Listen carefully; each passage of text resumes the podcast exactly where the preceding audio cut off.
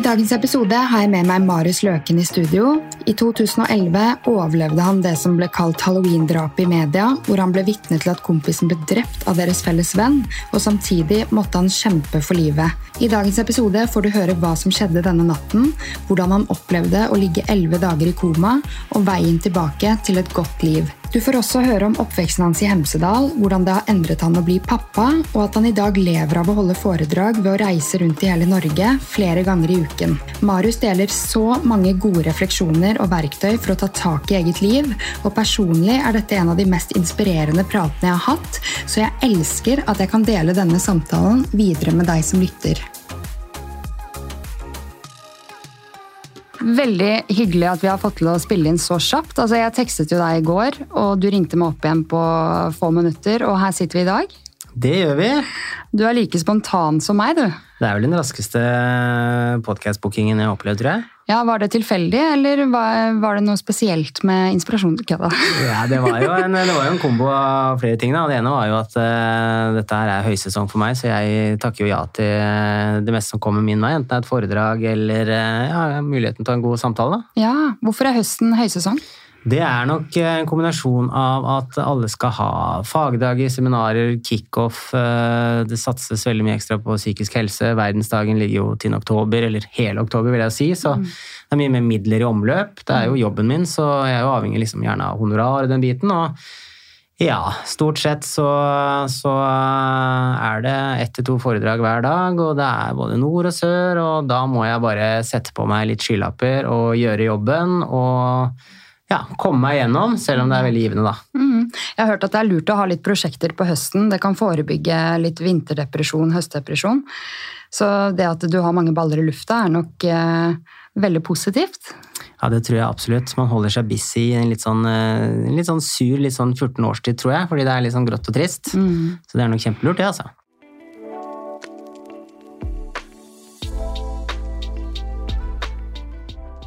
Jeg vil jo bli mye bedre kjent med deg, og jeg syns du er superinspirerende med alt jeg har hørt av deg. Ehm, så la oss bare gå tilbake til oppveksten i Hemsedal og hvordan det var å vokse opp liksom, på afterski. ja, men Det er jo ikke langt unna, fordi foreldrene mine de, de, tjente jo penger på at det kom turister, og at de dro på afterski. Særlig hvis de hva skal jeg si, tok seg en øl etter å ha vært i bakken, for de kjørte jo taxi. Mm. Og jeg er jo med i denne drosja, jeg som ganske mm, liten og formbar. Plukker opp veldig mye mingling, veldig mye av det sosiale foreldrene mine gjorde. Mm. Så jeg vokser jo opp med turistnæringen og veldig mye mennesker, så det gjorde jo at jeg ble utrolig sosial. Mm. Jeg så jo hvordan foreldrene mine hva skal jeg si, fikk fordeler i forhold til jobben sin da, ved å være blide, omgjengelige, nysgjerrige på folk. altså Bygge relasjoner så de alltid ringer de etter transport. Mm. Og dette her, det, det, former jo meg som gjør at liksom jeg, jeg ble en uh, veldig sånn uh, Jeg vil nesten si sprudlende skravlebøtte, typisk klassens klovn i veldig ung alder. Mm. Og I et lite sted som Hemsedal så, så er det liksom at når rollene er satt, så er det litt satt. Vi var ikke så mange elever, sånn, 16 stykker i klassen. Ja, jeg var en naturlig klassens klovn, så det var min rolle. Og da tror jeg man bare man, man fòrer opp under det, den rolla man har fått. da. Mm. Så det ble liksom meg, det, gjennom, uh, gjennom hele oppveksten, vil jeg si, fram til jeg var uh, ja, ca. 19. Mm. Men du har jo vokst opp i fjellet, da, eh, og mye natur rundt deg. Hva er det det har gjort med deg og din oppvekst? Jeg følte meg jo relativt sprek. Eller har vel alltid sett meg sjøl som uh, veldig sporty. Jeg har drevet med mye forskjellig idrett. Det er klart det er veldig mye vinteridrett, altså bortover- og nedoverski om vinteren. Og veldig mye fotball og, og diverse andre ballsporter og fritidsaktiviteter. Det er, veldig mye satsing på det uh, i et sted som Hemsedal. Og der bærer det også litt preg at um, Hemsedal har så mye turister at de må alltid finne på ting som turister kan komme til Hemsedal for å gjennomføre. Mm. Og det igjen gjør jo at det er veldig mye fokus da, på aktiviteter og ting, så Hemsedal er jo selv om jeg vokste opp med 1600 innbyggere, knøttlite sted, eh, så er det jo definitivt eh, ikke et knøttlite sted når det kommer til hvor mange mennesker som er der, og hva man kan finne på. Så det er, et, det er et ganske kult sted å vokse opp, det vil jeg jo si. Ja, Men hva var det som gjorde at du etter hvert fikk lyst til å flytte deg mot Oslo, da? Jeg har jo alltid følt meg da sosial, da. Og det å liksom uh, komme litt ut i verden og, og, finne ut hva er det den har å by på. Og mora mi er jo fra Oslo, altså liksom morssiden min kommer, kommer derfra. Da var det veldig naturlig, for jeg hadde jo en viss tilhørighet. Hadde en oldemor her nede, var masse på besøk her. Uh, følte meg rutta på både å ta trikk og spise frossen yoghurt på 7-Eleven og eh, leie videofilmer på hva var det det het for noe? Bislett Video. Så det var liksom sånn det å komme ned til Oslo, det, det var jeg ganske fast bestemt på. Mm. Men jeg måtte jo ha en grunn, altså noen som verifiserte det, og da, da måtte jeg velge noen studier. Mm. Og det var jo fullstendig tilfeldig, men jeg, jeg, ville på, jeg, ville på, BI fordi det var 19 000 studenter her. Ja. Jeg tenkte at det var en, det var en bra sosial utfordring, mm. og det var vel hovedgrunnen til at jeg ja, endte opp på den skolen der, da, og det ble liksom min reise når jeg, når jeg flyttet til Oslo. Mm. Var det flere barndomsvenner som eh, bestemte seg for å flytte sammen, eller dro du aleine først? Ja, helt, helt, i starten så var det, det var et par andre barndomsvenner også, men de, de, vi var litt spredt i Oslo, så jeg starta med å flytte inn hos oldemor. Mm. Eh, så det var meg da og en dame på 88 år. Eh, det var, veldig, det var, en veldig smart opplevelse for meg, fordi jeg lærte veldig mye når det kommer til liksom både pedagogikk og det å vaske klær. Oldemora mi var den gamle skolen som er sånn derre Ja, klærne skal vaskes på det, maten skal stekes sånn, sånn gjorde det og det og det. Så jeg fikk en slags sånn veldig sånn mild variant av, av førstegangstjenesten, tror jeg. Jeg var ikke ute i skauen og lekte med noe, med noe våpen eller uh, var på noen marsjer, men jeg fikk noen sånne grunnleggende ting. da, Brette mm. klær og legge på sengetøy og sånn når jeg flytta hos oldemor. Men så gikk hun bort, og da flytta kameratene mine inn i, i leiligheten som, som oldemor hadde, hadde hatt. Oh, ja. Og da ble det jo et guttekollektiv da veldig raskt. Ja, Så det er det kollektivet du bodde i med kompisene dine? Det er det kollektivet jeg bodde i først, som uh, er da i etasjen uh, under der hvor jeg ble skada da halvannet år etterpå. Oi, oi, oi, herregud. Men bare litt tilbake til studier og sånn. Fullførte du? Ja, eller hvis man skal se litt kritisk på det, så har jeg noen hengefag. De hengefagene de rakk jeg jo egentlig aldri å ta opp, men ehm, jeg gikk tre år på BI med markedsføring, og så begynte jeg på idrettshøyskolen. Mm. Skulle ta meg et år der med idrett og samfunn. Jeg syns det miljøet på idrettshøyskolen det var helt nydelig. Mm. Det, var, ehm, det, var, litt sånn tilbake til videregående med mye mindre grupper og mye aktiviteter og sånn samhold. BI er, det er veldig stort. Eh, det er ikke noe hemmelighet. Så det er litt sånn ukontrollerbart stort. Men eh, så skulle jeg også ta opp noen av disse fagene som eh, Jeg fikk kyssesyken første året mitt eh, på studier, og da var jeg sengeliggende og kom meg ikke på ja, bedducken og litt andre diverse fag som måtte da ligge på vent. Ja. Men hva begynte du å jobbe med, da? Fordi du jobber jo med noe annet i dag. Men hva har du jobbet med frem til denne hendelsen og tiden etterpå? Når jeg, når jeg, vokste opp i Hemsedal, så starta jeg jo da eh, sikkert ikke noe hokus pokus med å jobbe i sportsbutikk. Eh, jeg tror ikke du finner en bygd med, med, flere sportsbutikker innenfor samme omkrets, og det likevel er levebart. Det er kjempefascinerende. Men eh, nei, jeg elska å være ute i et butikklokale, møte folk, eh, hjelpe de, bistå de, fortelle de hvor de kunne gå på skien, stå på skien, eh, hva de skulle ha på seg. Og så kom jeg til Oslo, og da oppdager jeg telefonsalg. Ja, det... Ok, da, da, jeg, da, har du fått avvisning fra meg. Nei da, jeg tulla. Nei, men Dere har jo litt dårlig rykte, da, telefonselgere. Og det er, jo, det er, jo, en jobb det også som virkelig er viktig, men jeg føler at det, de blir dis litt diskriminert? Eller føler ikke dere det? Ja, definitivt, og det, det, blir verre for hvert år. Eh, jeg var nok en del av en eh, litt sånn sistebølge hvor det fortsatt var litt lukrativt. Mm. Bare det at eh, jeg solgte jo parabol, sant? det er jo ikke en greie å selge lenger. Um, og det var, jo, det var jo glansdagene til Kanal Digitale Viasat. Jeg har jo prøvd å jobbe for begge parter. Mm. Men det jeg oppdaga, det var jo at uh, telefonselgere flest de er veldig opptatt av at de skal få kjemi, men de skal få kjemi på det jeg mener er feil grunnlag. Mm. Uh, når jeg ringte folk på vegne av Kanal Digital, så ringte jeg, og det hørtes litt sånn her ut. Mm. Hei, du, det er Marius uh, som ringer. Jeg er egentlig student, men nå sitter jeg og jobber litt for Kanal Digital. jeg har veldig lyst til å selge deg noe. Har du ett minutt til å bare høre på meg, så skal jeg være skikkelig rask med deg. ja, det er den vi har hørt. Altså, da, mange ganger. Ja. ja. men det jeg opplevde da, var at eh, det var vanskelig å avvise, så jeg fikk masse samtaletid. Ah. Som var det at eh, jeg, jeg var såpass hyggelig og uskyldig. Mm. Det var jo et strategisk virkemiddel jeg hadde, men Alt stemte. Ja. Jeg skulle ta 21-bussen ned fra Nydalen. Da var jeg ferdig på jobb. Eh, jeg var student. Ja. Jeg hadde noen kule produkter, og jeg ville bare prate i et minutts tid. Mm. Og da var det på en måte gjort. Ja. Eh, For da fikk jeg brukt personligheten min, bygd kjemi, tulla og tøysa. Plutselig så hadde jeg et kvarter med en lastebilsjåfør som sikkert kjeda seg, som kjørte over vidda. Plutselig så snakka jeg litt pedagogisk med en småbarnsmor som kanskje bare trengte at noen hørte på. Og plutselig så snakka jeg med en som var superfilminteressert. Så jeg solgte altså eh, som hakka møkk. Og fant ut at telefonsalg det er kjempegøy, og dette, dette gjorde jeg da hele tiden mens jeg var student. da. Ja, da hadde du en uh, autentisk tilnærming til de du ringte, da. Det, men det er jo det jeg kanskje har opplevd ikke uh, er helt ekte fra de som ringer. De, jeg føler de, de kan til og med late som det ene og det andre for å gjøre meg interessert. At de nesten vet litt om meg fordi de har googlet, ikke sant. Og så Oi, har du en podkast, og så kan jeg føle liksom sånn Yeah, right, at du visste det, liksom. Eh, Å, er det du som har den? Og så kan jeg bli sånn mm, Ikke ta den med meg, hvis du skjønner hva jeg mener. Ja, men det er, det er bedre å, Hvis du skal gjøre dette her, så er det bedre å velge seg ut ti ordentlig gode samtaler enn å ringe 100 stykker hvor du spør hei, har jeg kommet til, og så etternavnet, bare ja, så bra, så bra, så bra. Ja, har du en fin kveld i dag? Ikke sant? Allerede da så er det bare sånn lost case. Eh, Harvard har gjort en undersøkelse. Harvard sier det sikkert litt rart, men eh, de har målt at det tar fire sekunder for en telefonselger å få et salg eller ikke. For du blir dømt, og det handler om åssen innstilling du møter på. Så alt det det handler om, er bare Hei, det er Marius som ringer! Ja. Hvordan kan, man, eh, hvordan kan man hate på en som høres ut som eh, han snakker med oldemoren sin? Nei, det er et godt poeng. Jeg har også hørt av Gunnar Greve da, i en podkast at det, det tar fire dager da, før en, man vet om en låt skyter i været eller ikke. Jeg vet ikke om det var et godt sammenligningsgrunnlag, men Ja. siden du sa fire sekunder. Så ja. ja. Mhm. Men eh, interessant, og det er ikke for å disse telefonselgeryrket, men eh, ja, du, ha- du er jo en veldig sånn ærlig, åpen eh, fyr som eh, bygger relasjoner lett, da har jeg skjønt, selv om det er første gang jeg møter deg i dag, men jeg kjenner meg veldig igjen i deg, så jeg er ikke overrasket over at du har klart å selge bra. ro, Ja, men, ro, ro, det ro ærlige er ærlig ofte det beste. Nei, men det er sant det jeg sier, altså.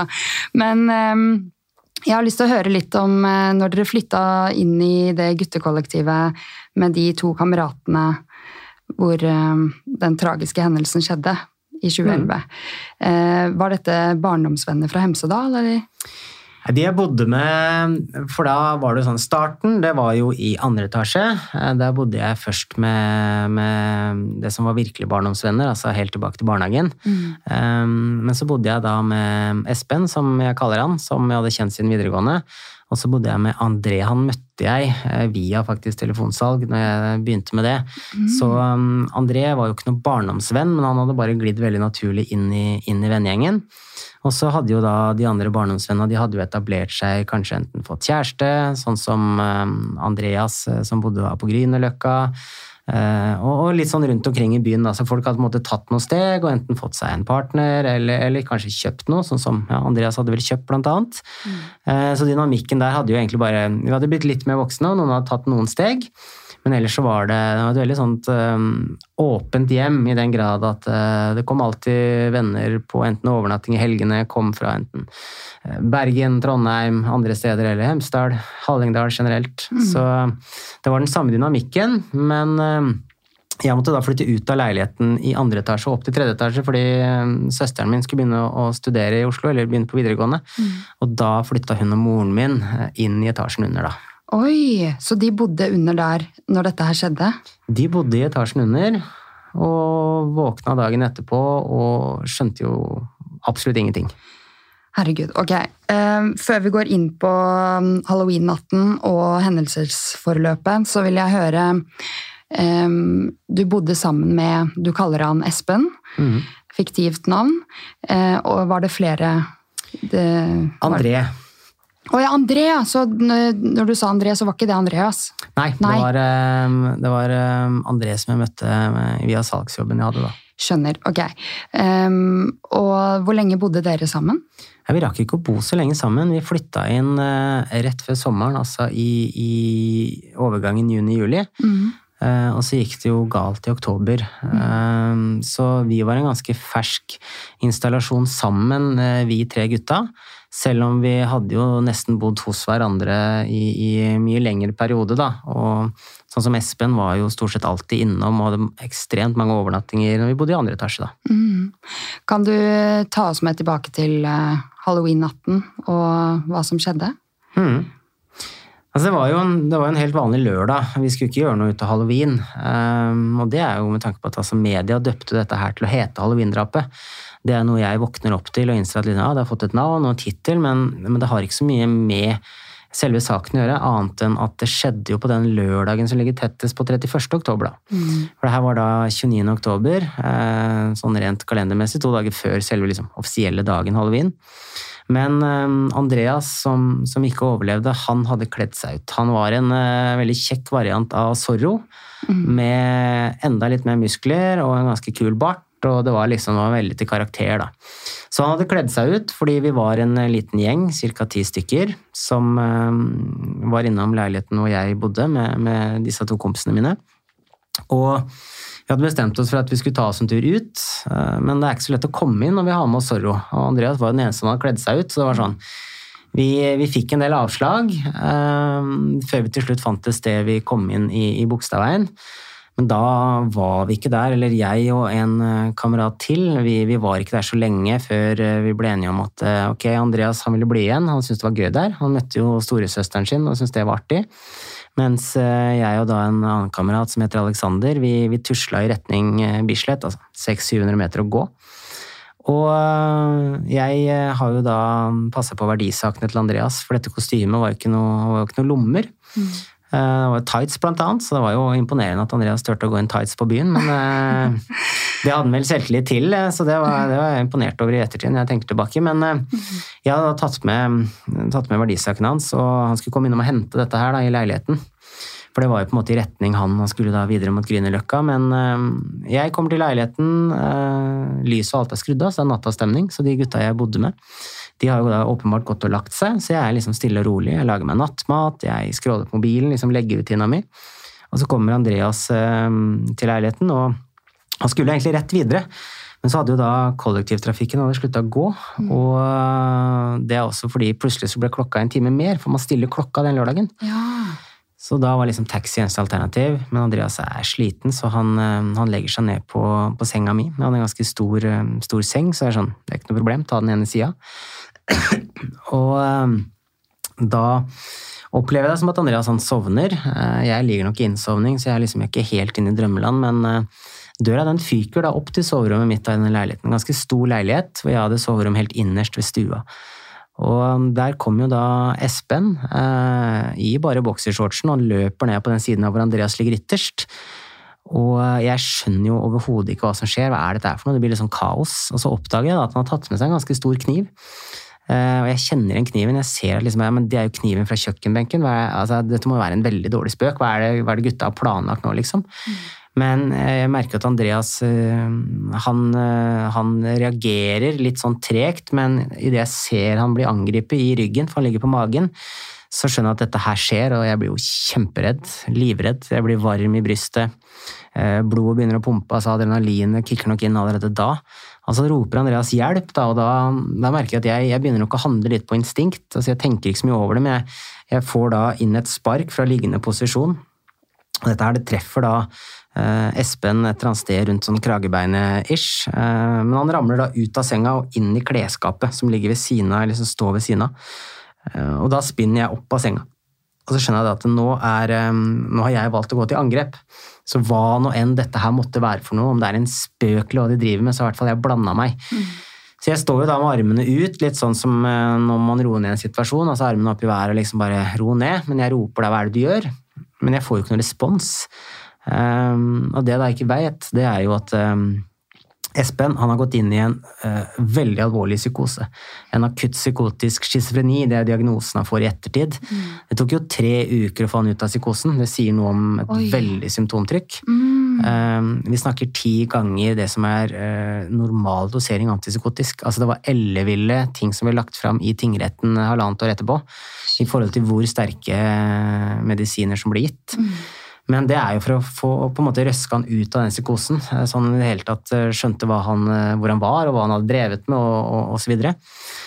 Jeg vet jo ikke noe om dette her når jeg står inne på soverommet, så jeg tror jeg skal klare å roe ned en av mine beste venner, for det, det var jo Espen definitivt. Både han og Andreas var jo knallgode venner av meg, og vi var en veldig sammensveisa gjeng. Men han går da umiddelbart til angrep på meg. Og jeg blir jo litt sånn lamslått, for det hadde jeg jo ikke sett for meg, at jeg plutselig skal nå bli, bli uh, stikkig.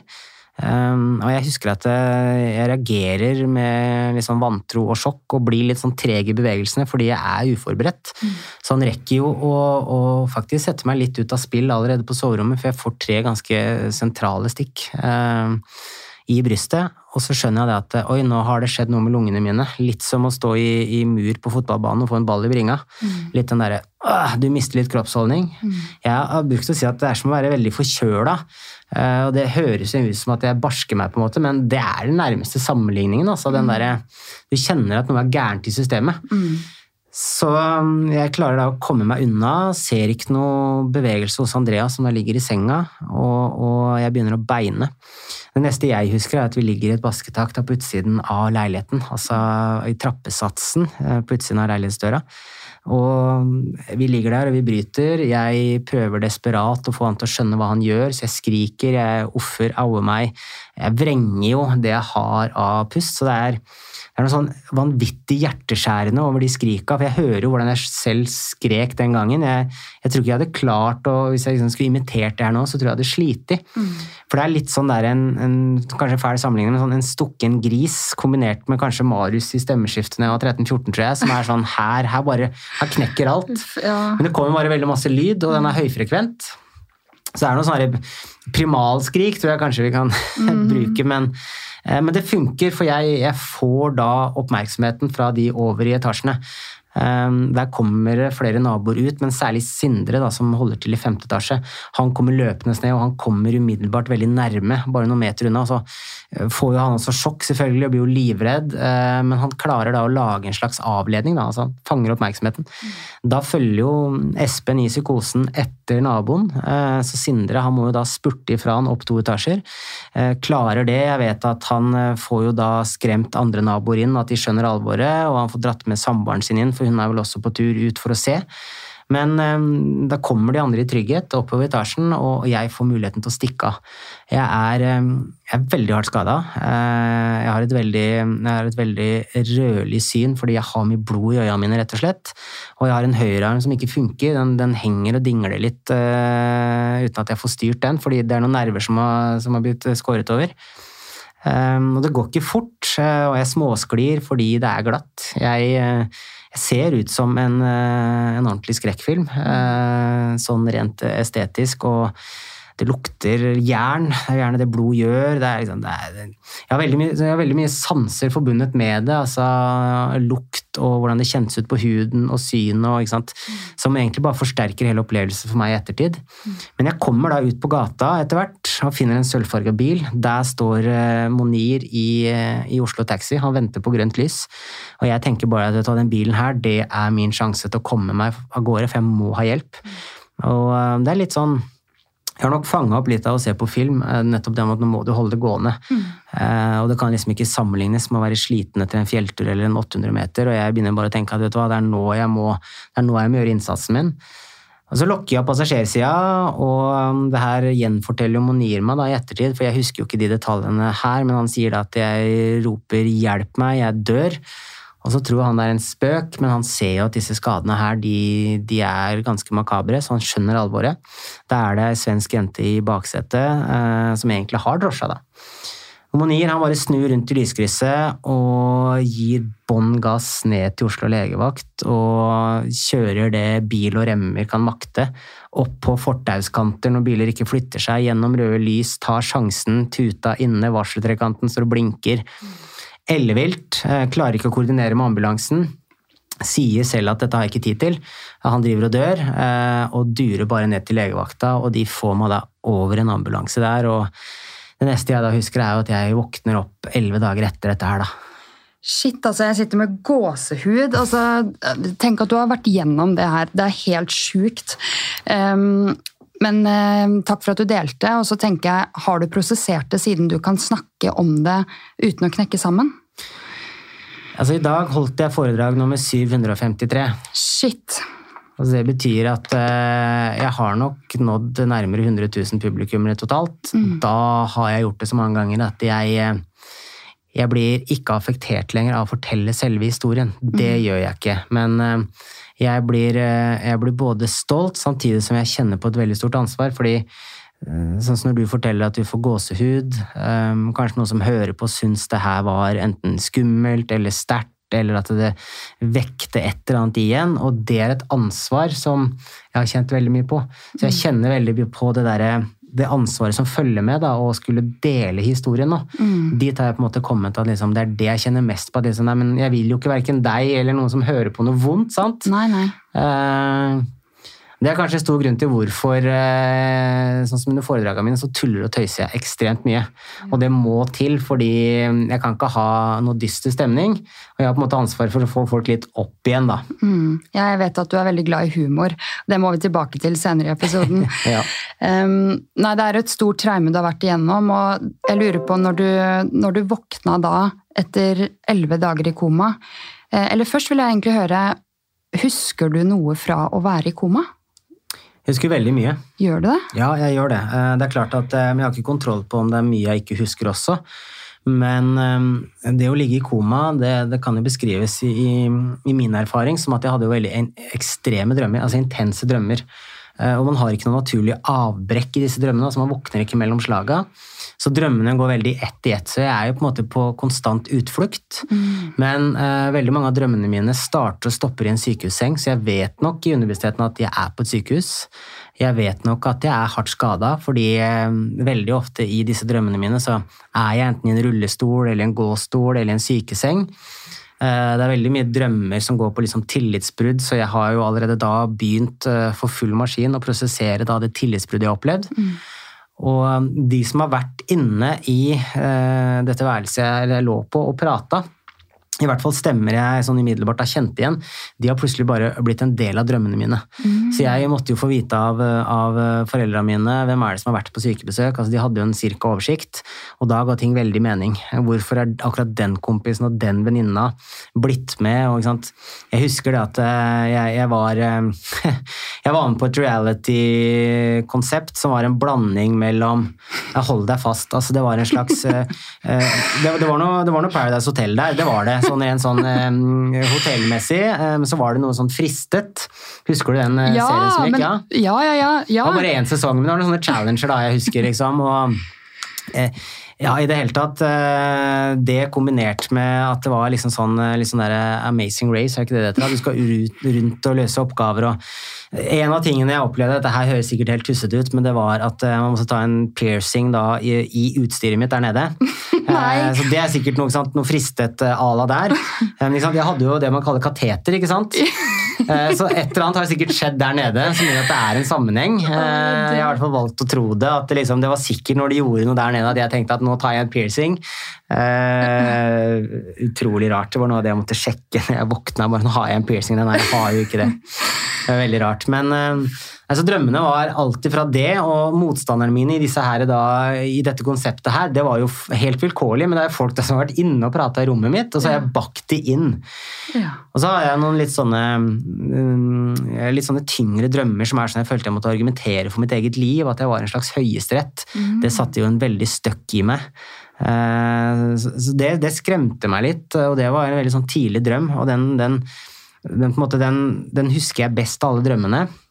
Så det var liksom alltid fra alvorlige drømmer som satte spor, til drømmer jeg kan sitte her nå. ikke sant? Altså, det er jo litt morsomt at jeg drømmer at jeg har tatt en piercing der nede, og så har jeg ikke det, liksom. Men det er liksom fra A til Å, da, men veldig rart å ligge i koma, for det hadde jeg jo kun sett på film. sant? Mm. Men eh, var halloween-natten, eller eh, den natten med i drømmene dine, en av de gangene? Ja. Det var veldig mange drømmer hvor eh, jeg og Andreas, vi gjorde ting, og så dukker Espen opp i drømmene. Mm. Og jeg vet at Espen er ikke til å stole på i disse drømmene.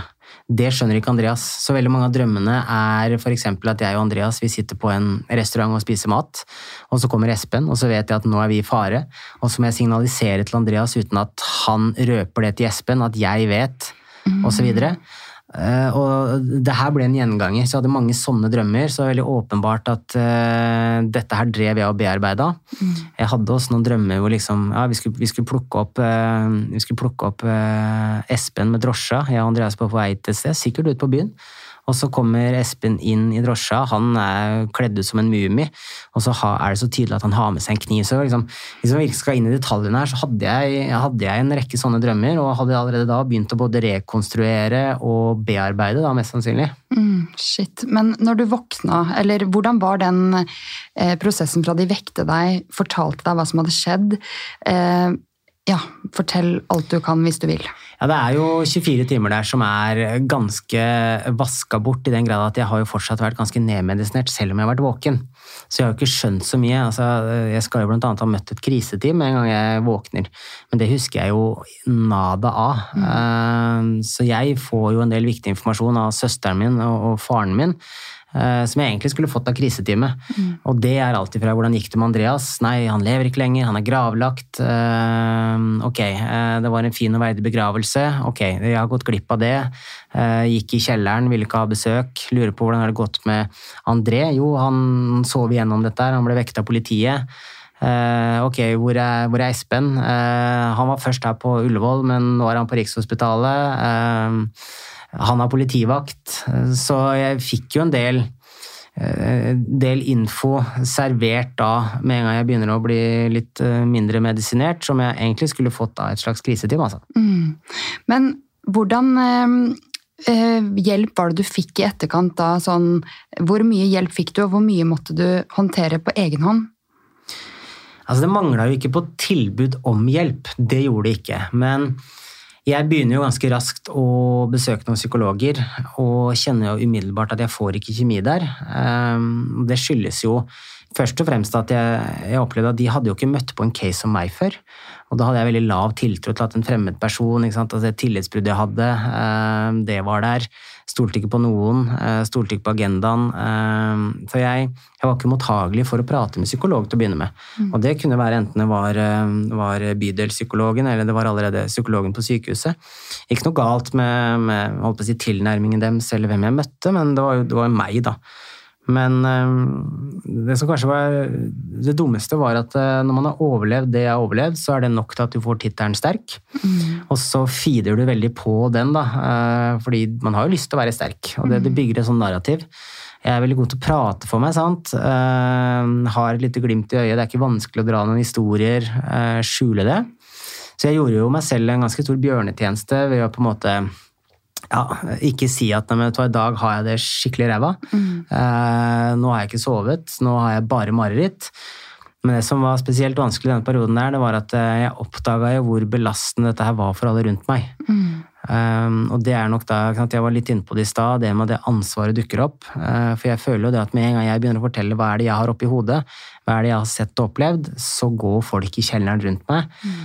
Og da står vi der, da, enten det er meg og en til, eller det er meg og noen flere. Altså, nå må vi, når vi komme oss opp, da, hvordan gjør vi det? Så begynner jeg å bygge stillas og prøve å reise opp og tulle og tøyse. og så jeg ble veldig begrensa også i forhold til hvor mye jeg ville dele i den perioden etter det, fordi du har ikke lyst til å påføre folk rundt deg smerte. altså De hadde det ille nok fra før av. Mm. Og så ble det veldig mye sånn uff og nei, og folk visste ikke hva godt de skulle gjøre. ikke sant? Så alt ble bare trist. Mm. Så jeg måtte på en måte, måtte på en måte bare eh, bite tenna litt sammen, husker jeg, sånn jeg ser i ettertid. Uh, og på en måte kom, få det litt på avstand. da. Mm. Jobba du liksom i tiden etterpå, eh, eller eh, var du sykemeldt, eller hvordan var det frem til du møtte han eh, Lars Weiseth, som er sjefpsykiater i Forsvaret, eller var? Mm. Ja, nei, det er det her som kanskje gjør sett i ettertid så er det jo veldig uheldig. Altså, jeg hadde jo vært student, som betyr at øh, sykepenger, altså avklaringspenger av noe slag, det var ikke veldig mye å rope hjemme om. Det var ca. 5000 kroner. Uh, og det var for meg ganske umulig å leve på. Og bare det at du jeg husker jeg hadde vel en, jeg kredittkortregning på, på, på, den, tiden her, så var det helt sinnssykt å ha kredittkort på 5000 og hadde trukket, liksom. Men det hadde jeg, og det hadde jeg ikke betalt i tide. Eh, så der hadde jeg jo Det hadde vel gått inkasso når jeg begynner å ta tak i det, og det var jo ikke det eneste. Jeg fikk NRK-lisens i leiligheten jeg bodde. Mm. Sa da at ja, men kan du sende halvparten til Dikemark, hvor Espen er plassert, liksom. Det er urettferdig at jeg må ta den her alene. Mm. Bare for at eh, jeg har åpna døra og vært uheldig. Mm. Det var så mange sånne type ting som gjorde at og Her er litt interessant, for jeg var jo og holdt foredrag for Fremtiden, det forsikringsselskapet, før i dag. Mm. Og de sitter jo nettopp sant, med utbetalinger, folk som har hatt uh, opplevd tragedier. Uh, det siste man trenger da, i en så tung stund, det er jo belastning rundt økonomi. Ja. Og det er ingen tvil om at eh, økonomi det er en av de største faktorene som ødelegger den psykiske helsa til det norske folk. Mm. Jeg tror vi har altfor mye, mm, dessverre, både lån og gjeld, og, og vi er altfor sårbare. Mm. Uh, men det var jo grunnen til at jeg, jeg var nødt til å begynne å jobbe igjen. Og det jeg da fikk muligheten til, det var jo å gå tilbake til salg, for der hadde jeg jo merittliste. Mm. Og går da tilbake og tar på meg en eh, lederrolle den gangen her. Nå skal jeg coache og vise alle andre hvordan skal du få solgt disse greiene her. Mm. Gjør det i ni måneders tid og går på en så massiv smell at jeg skjønner ikke at uh, ja, verken jeg eller folk rundt meg så den komme tidligere. For jeg begynner da å jobbe. Jobber fra tolv til ti, altså ettermiddag kveld, formiddag ettermiddag kveld. Det er da folk er hjemme, det er da du kan selge parabol. Mm. Uh, opplever da at jeg jobber når alle andre har fri, så jeg får ikke det sosiale, som har vært ekstremt viktig ettertid. Jeg uh, jobber da med et psykisk krevende yrke, for det er det. Det er veldig mye mentalt rundt det å resette seg, hele tiden jakte. Det er provisjon, det er veldig usikker lønn osv. Som gjør at jeg, jeg, drar jo ut en torsdag og bestemmer meg for at vet du hva, nå skal jeg, nå skal jeg ut, nå skal jeg shotte. Mm. Og klarer jo da å bli ordentlig full. Eh, så full at det er liksom Det er vel egentlig sånn at jeg egentlig ikke klarer å ta vare på meg selv, men jeg er bare sånn Jeg skal ikke på jobb i morgen. Det er, det er intensjonen min når jeg tar den første shoten. Eh, en dame i politiet som finner meg oppe på Solli plass, sitter der og holder et blad i hånda og ser litt stakkarslig ut. Mm. Og så finner vi jo fort ut at det er ikke bare det at eh, jeg er full og trenger en pust i bakken eller litt vann eller hva det skal være. Saken er å å si bank i bordet. Det hadde vært eh, ille å høre på for de som lytter. Jeg skal ikke gjøre det, men uh, kom jeg stort sett hjem, da. Om det så har vært en uh, lang kveld eller en kort kveld. Men mm. her så ble jeg tatt med til legevakta, uh, og jeg knekker sammen. Jeg forteller da legen der hvordan jeg egentlig har det, og jeg går og kjenner på på innsida. Uh, heldigvis da, så hadde jeg faktisk jobba og klart å hente inn litt økonomisk. Mm. For nå får jeg da en kraftig sykemelding. Mm. Og uh, den får jeg etter at jeg har sovet uh, oppe på Lovisenberg sykehus. Snakker med lege dagen etterpå, for det var litt sånn Husker jeg ligger der og helt magisk fikk så mye eplejus jeg bare ville. Så det var deilig. Men de er sånn ja, men dette her skal jo ikke du måtte drive og holde på med, Marius. Altså det du har opplevd sånn og sånn, så de satte ned foten. Nå er du sykemeldt.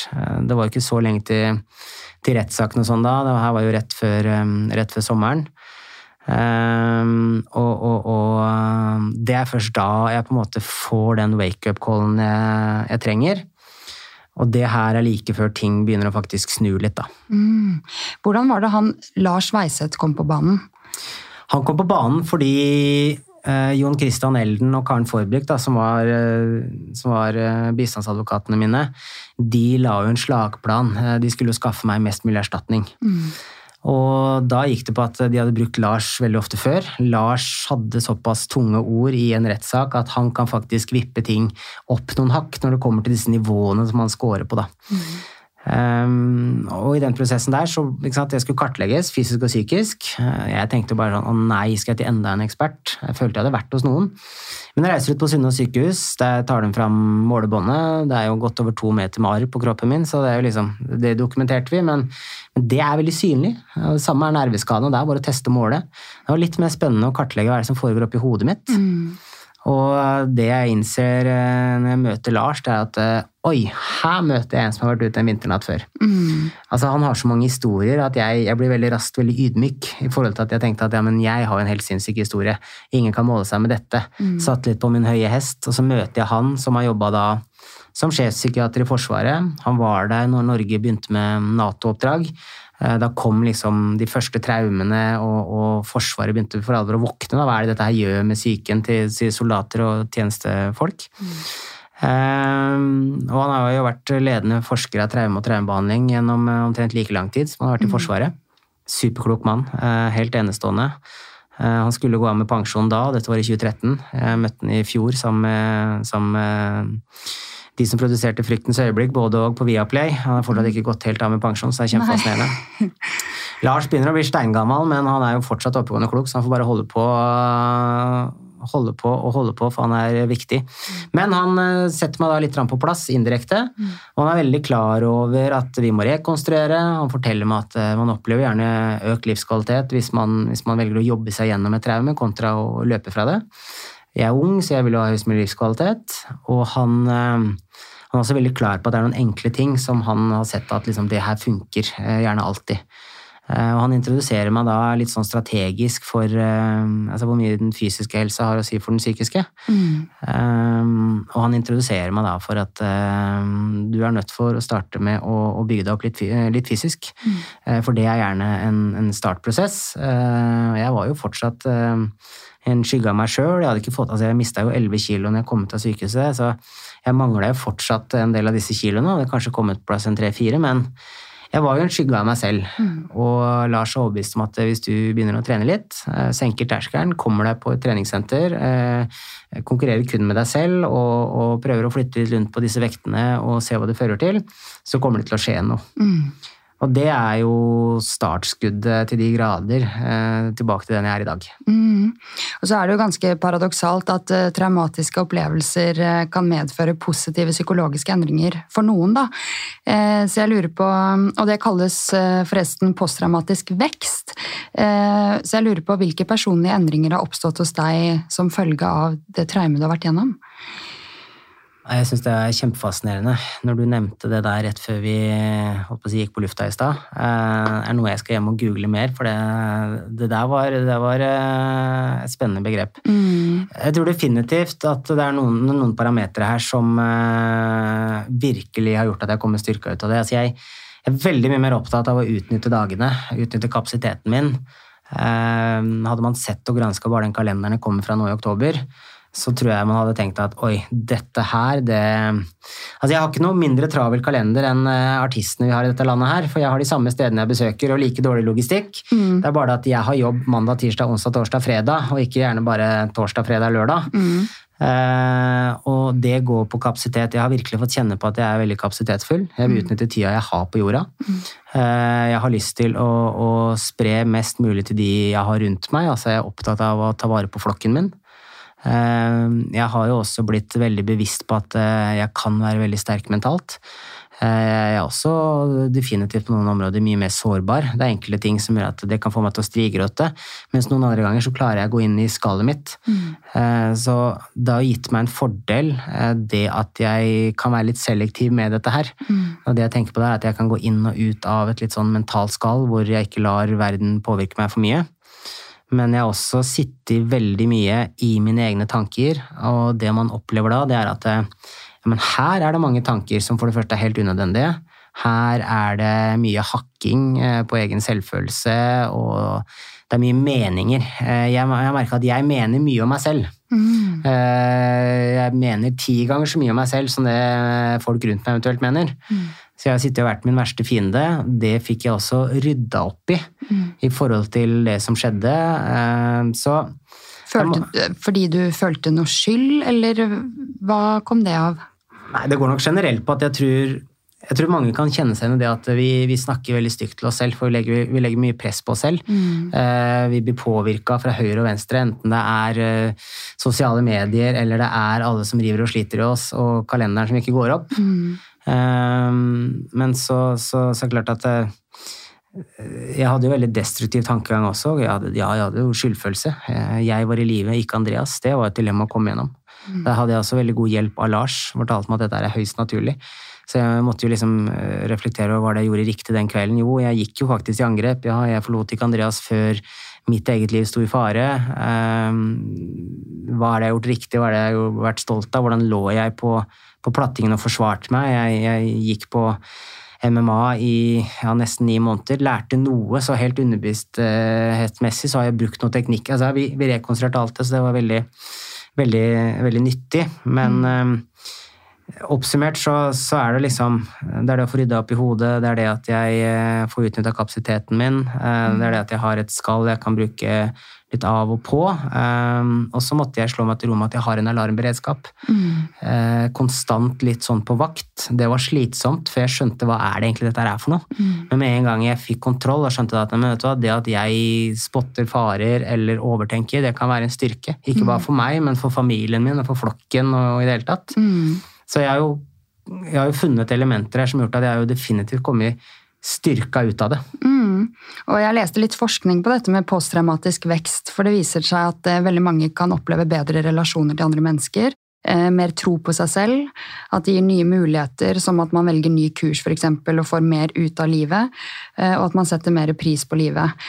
Eh, og det føler jeg at jeg kjenner litt igjen i deg ut ifra hva jeg har hørt om deg tidligere. Da. Men selv om man opplever det, så betyr det jo ikke det at det er fravær av traumesymptomer. Så jeg lurer litt på hvilke traumesymptomer du bærer med deg i dag. Jeg synes det er kjempespennende, altså. Nei, først og fremst så det er klart at det er jo ikke, det er ikke i nærheten av så hyppig som det var. Altså når det kommer til sånn som mareritt, for eksempel, det, det var jo noe av det mest utholdelige. At jeg hadde disse marerittene i tida etterpå som kom i tide og utide. Og de var jo kjempeskumle, og det gikk på tillitsbrudd, og de var, de var for gæli å ha. Altså. Men de har jeg kanskje tre-fire ganger i løpet av et år nå. Mm. Og så har jeg innsett at eh, jeg har de jo fordi jeg, liksom, jeg skal skjerpe alarmberedskapen. Det er en slags sånn wake-up call. bare sånn, nei, men Ikke glem, verden kan være skummel. Eh, så det lever jeg jo fint med, eh, skal sies. Eh, så det er klart at jeg er jo også litt engstelig i forhold til at jeg er jo ikke like sterk den, gang, altså den dag i dag som jeg var den gangen. Jeg har jo, jeg har jo noen nerveskader. Altså jeg, jeg, vil anslå at jeg har rundt 50% av styrken på høyre side som jeg den gangen hadde. Mm. Jeg var liten, jeg var rask, jeg var kroppssterk. Ting som definitivt holdt meg i live den kvelden. Men som gjør at hvis noe lignende skulle skjedd igjen, så tror jeg nok ikke jeg hadde klart å eller jeg skal aldri si aldri, da, men eh, jeg kjente veldig på den at jeg er ikke like sterk nå.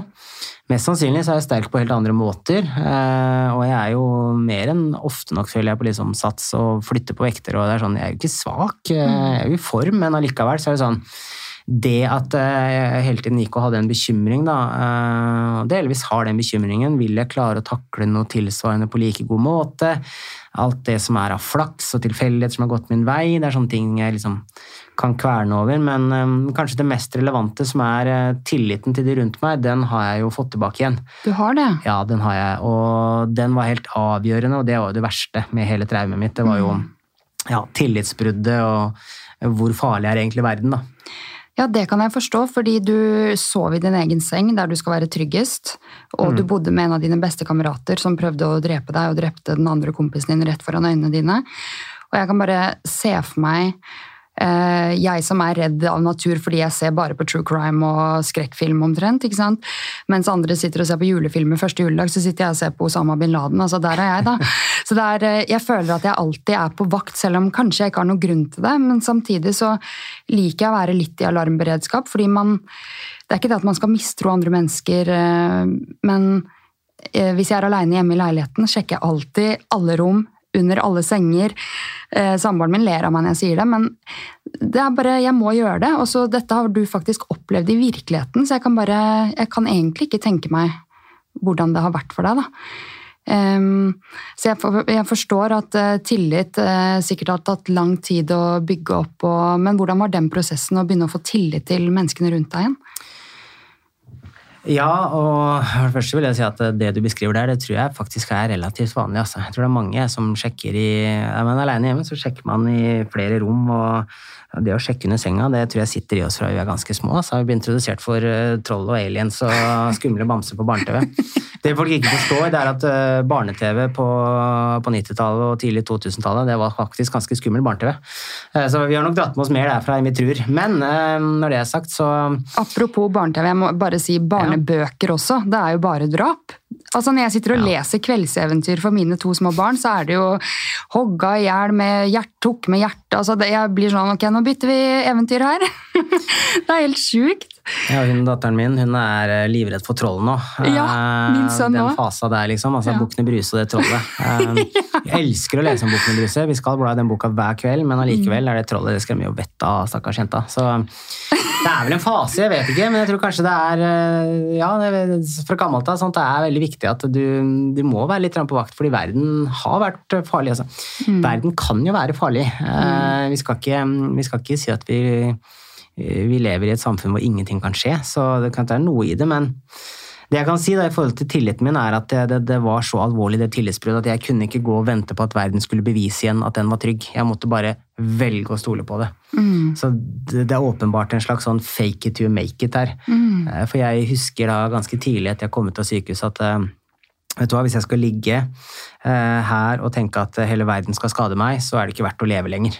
Altså, det, det, er så avgjørende, og for en så sosial figur som jeg alltid har vært og er, så er det bare sånn, det er, det er den energien da, man, man, lever på. Altså, jeg får energi av å være med andre. Mm. Uh, så jeg kan ikke velge bort det i livet. Jeg kan ikke, jeg kan ikke bli inneslutta nå, jeg kan ikke isolere meg. Jeg må bare ta sjansen på nytt, og så heller verden motbevise en gang til. og det er nesten litt sånn at vet du hva, Hvis det her er min måte at jeg skal takke for meg på, så får det da, får det da heller være sånn. Mm. Ellers så er ikke livet verdt å leve. Så det var en, det var en ganske absurd tankegang, eh, og det var en litt krevende tankegang, men jeg var helt nødt for å tenke sånn. Mm. Hvis jeg i det hele tatt skulle klare å få tilbake noe ålreit livskvalitet. altså. Mm. Nå har du jo sagt at Lars var en god støttespiller i ditt liv, men har du noe tidligere livserfaring eller noe fra oppveksten som har bidratt til hvordan du har klart å stå i denne motgangen? Jeg tror eh, den viktigste jobben mora og faren min gjorde, det var at de gjorde meg ganske trygg på meg selv. Um, og samtidig så bidro de til at eh, jeg fikk veldig mange venner. Og når man har veldig mange venner, da har man veldig mange støttespillere. Så jeg hadde definitivt et sikkerhetsnett rundt meg. Mm. Jeg kunne ikke gå lenger ned i kjelleren enn det jeg gjorde, fordi til syvende og sist så hadde jeg nok av de. ikke sant? Altså, det er noe som heter hver venn til sitt bruk. da. Mm. Eh, det syns jeg er fascinerende, fordi når man skal gjennom noe tøft, så er det jo ikke sånn at det kommer 15 venner på trammen eller oppgangen din med kakao og krem. Nei. Men det trenger du heldigvis heller ikke. Det er hyggelig hvis de kommer i ja, 30-årslaget, at de stiller opp når det er bryllup, altså disse tingene der. Men det du trenger, er klart én, to, kanskje tre gode hva skal jeg si, sparringspartnere. Folk du kan ha en eh, bra prat med. Du trenger kanskje en som er brutalt ærlig. Du trenger kanskje en som du kan eh, bare få støtte av, tømme deg til. Eh, men utover det så har du like stort utbytte av en du kan gå på fjelltur med, en mm. du kan dra på konsert med. Det er ikke så lett å prate under en konsert. Du er til stede. Du kan kanskje dra på kino med noen eller ha en tacofredag. altså disse tingene her. Det er noe som heter hver venn til sitt bruk, og det liker jeg veldig godt. og i min historie så var det helt avgjørende. Mm. Av og til så handla det om å bare være til stede, eh, spise noen chilinøtter, la det stå på en fotballkamp, dra på en eller annen pub og se på den uten at eh, du har så mye mer agenda enn det. Mens andre ganger så er det fint å på en måte sitte oppe til klokka er tre på natta og bare prate om ting og ja, kanskje drikke et glass vin og liksom bare skravle i hjel hverandre. Mm. Så det er definitivt en styrke jeg da hadde, at jeg hadde mange venner jeg kunne porsjonere ting ut på. og jeg hadde de ærlige, de som fortalte meg litt hvor skapet skulle stå. Jeg hadde de som eh, nekta å la meg ligge for lenge i senga, eh, som bare er sånn eh, nå skal vi ned på julegaveshopping, eller nå skal vi få oss en kakao og svi av oss tunga nede i, i spikersuppa, for nå har de tent grana. Altså, mm så den der kombinasjonen der, sant? det var jo den som virkelig gjorde at uh, ting gikk bedre enn det de kunne gjort. Mm. Og det er klart at det å investere i relasjoner, det er jo, det er jo forebyggende. Altså det er jo, uh, hva skal jeg si, pre. Uh, og det jeg mener med det, er at det er en kontinuerlig investering ja, egentlig fra du blir født og, og, gjennom livet, som gjør at du må investere i folk når du har det ok eller bra. For når du har det dårlig, det er da du trenger dem. Mm. Og Jeg elsker det du belyser nå, og jeg er så enig med deg. Men hvordan tenker du at man kan investere i menneskene rundt seg, og hvorfor tenker du det er viktig? Altså, det her er kjempefascinerende. Og der er kanskje, altså, Jeg holder mye foredrag på skoler, mm. og det kan være mange caser hvor uh, folk er uh, skitlei skolen. Eller de passer ikke inn, de investerer, de kommer ikke inn i den gruppa mennesker. Uh, kanskje du blir delvis utstøtt. altså Du kan oppleve at du gir så mye av deg selv, og så får du ikke en tiendedel tilbake engang. Og så mister unge mennesker eh, veldig fort mot det. Som er sånn ja, men jeg har prøvd, og så går det utover at du vil ikke møte på skolen. Til og med de tre fagene du faktisk syns var ålreit, og som traff interessene dine, de velger du bare å forsake. Dette møter jeg jo på skolen hele tiden, på den ungdomsskolen jeg jobber, så nå traff du spikeren. Ja, og, eh, og det, det her er liksom de historiene jeg får, da, enten det er en lærer, en helsesøster, miljøterapeut, rådgiver, altså de som har booka meg til skolene. Eh, og dette her, det, det starter i 12-13-årsalderen. Det starter i hvert fall fem år før jeg trodde det starta. Altså, jeg husker at folk droppa kanskje ut andre og tredje klasse på videregående, men før det så var man ikke en samla tropp. Men jeg kommer fra et lite sted hvor ting er veldig merkbart. Jeg kan tenke meg Jo nærmere storbyer, jo, jo verre er det, og høyere statistikk. Men, men det jeg prøver å forklare unge mennesker, at det jeg fikk ut av skolen, det er at jeg lærte meg dynamikken med andre mennesker. Jeg lærte meg hvilke typer personligheter jeg har med å gjøre, eh, hvordan jeg skal tilpasse meg, hvordan få eh, disse til å passe inn i mitt liv. Altså koordinere meg rundt de. Det er det aller aller viktigste. Om jeg fikk en femmer i naturfag, eh, så kunne jeg ikke brydd meg katta om det i dag. Men det at jeg lærte meg dynamikken med andre mennesker og det å bygge relasjoner, det er det jeg først og fremst tar med meg. Og det er det jeg liker å fortelle om på skolen. at Fortsett med dette her, for du kommer til å ha en valuta som er sterkere enn alt annet. Som gir renter og avkastning, for å dra inn Finansavisen i dette her nå. Men, eh, men, men det er så ekstremt viktig, da. Det å lære seg det, og det er det jeg føler skolesystemet virkelig skal handle om. Det forbereder deg mye bedre på livet, fordi Folk kommer til å såre deg, skuffe deg, bryte tilliten din. Lista er ganske lang. Dette lærer man allerede på grunnskolen og gjennom livet. Eh, Det blir ikke noe bedre. Det er ikke sånn at folk slutter å skuffe deg. Men jeg tror eh, du må legge bort den fasiten av hva det betyr å være en venn. Hver venn til sitt bruk. Eh, Godt sagt, ass. Herregud. Ja, men det er litt det jeg tenker at eh, jeg, bruker å tulle med at eh, en av bestekompisen min han er rørlegger. Eh, har man levd litt, så skjønner man hva det betyr. Det betyr at jeg har, eh, jeg har en kjempefordel når det er ting med kjøkkenet mitt, badet mitt. Jeg har en kompis som driver sportsbutikk, får rabatt på jakka til vinteren. Eh, ting som gir meg fordeler, men samtidig så er man veldig gode mot hverandre. Verden blir et varmere sted. Ja, men hvordan Og- Ja, bare fortsett. Nei, så, så, så konklusjonen min da, det er det at det er de minste ting som kan sette spor og de rundt deg. Det at du smiler til noen eh, om du er på skolen eller om du er på arbeidsplassen, det at du holder døra, det at du spør hvordan det går og ønsker folk god helg, det kan være, det kan være små ting. Du kommer til å møte mennesker, og de har du allerede møtt sikkert mange av, men de menneskene du møter, det kan være sånn at noen ganger så bare matcher du umiddelbart. Du bare merker at vet du hva, den dynamikken vi har, den er bra. Her er det god energi, eh, det løfter oss begge to opp. La oss enten henge mer, la oss bli venner på Facebook, la oss eh, ta lunsj etter jobb, altså alle disse tingene her. Mm. og hvis man eh, da har gått inn i skallet sitt, man har gitt opp det å investere, man har tenkt at nei, men jeg trenger ikke mange venner. Jeg, jeg sier ikke at man trenger å løpe rundt og få en haug med bestevenner, men man trenger en sirkel utenpå sirkelen. Kollegaer eller klassekamerater eller naboen, at naboen bare er superålreit, og plutselig så går det opp dit på et glass vin, eller dere finner ut at begge strikker, og så sitter dere og strikker sammen. altså Det er liksom bare det, det er det jeg virkelig brenner for. sånn Med det spørsmålet så treffer du nerve hos meg. da. Sånn Ja. at liksom, Nå blir det foredrags-Marius, men, Ja, det er bra. men det, det handler om det at eh, du må bare løfte blikket, og så må du ikke være så redd for at du ikke får det samme tilbake som du investerer hele tiden. Men bare aldri slutt å investere.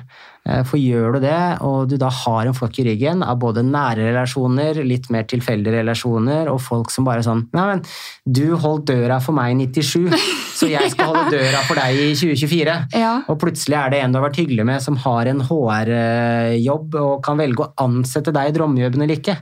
Og plutselig er det den du ikke trodde at um, skulle forlate hjemplassen, som blir statsminister. Ja. Altså, Ikke døm verden, ikke døm folk. eh, og Det betyr at når alle skuffer deg, så er det like mye rom for at folk kan imponere deg, og komme inn i livet ditt og bare Nei, men er det plass i hverdagen din? Ja, men så bra, jeg har alltid likt deg, så da, da tar jeg den rolla her. For den, den er ledig sikkert, ja. Bra.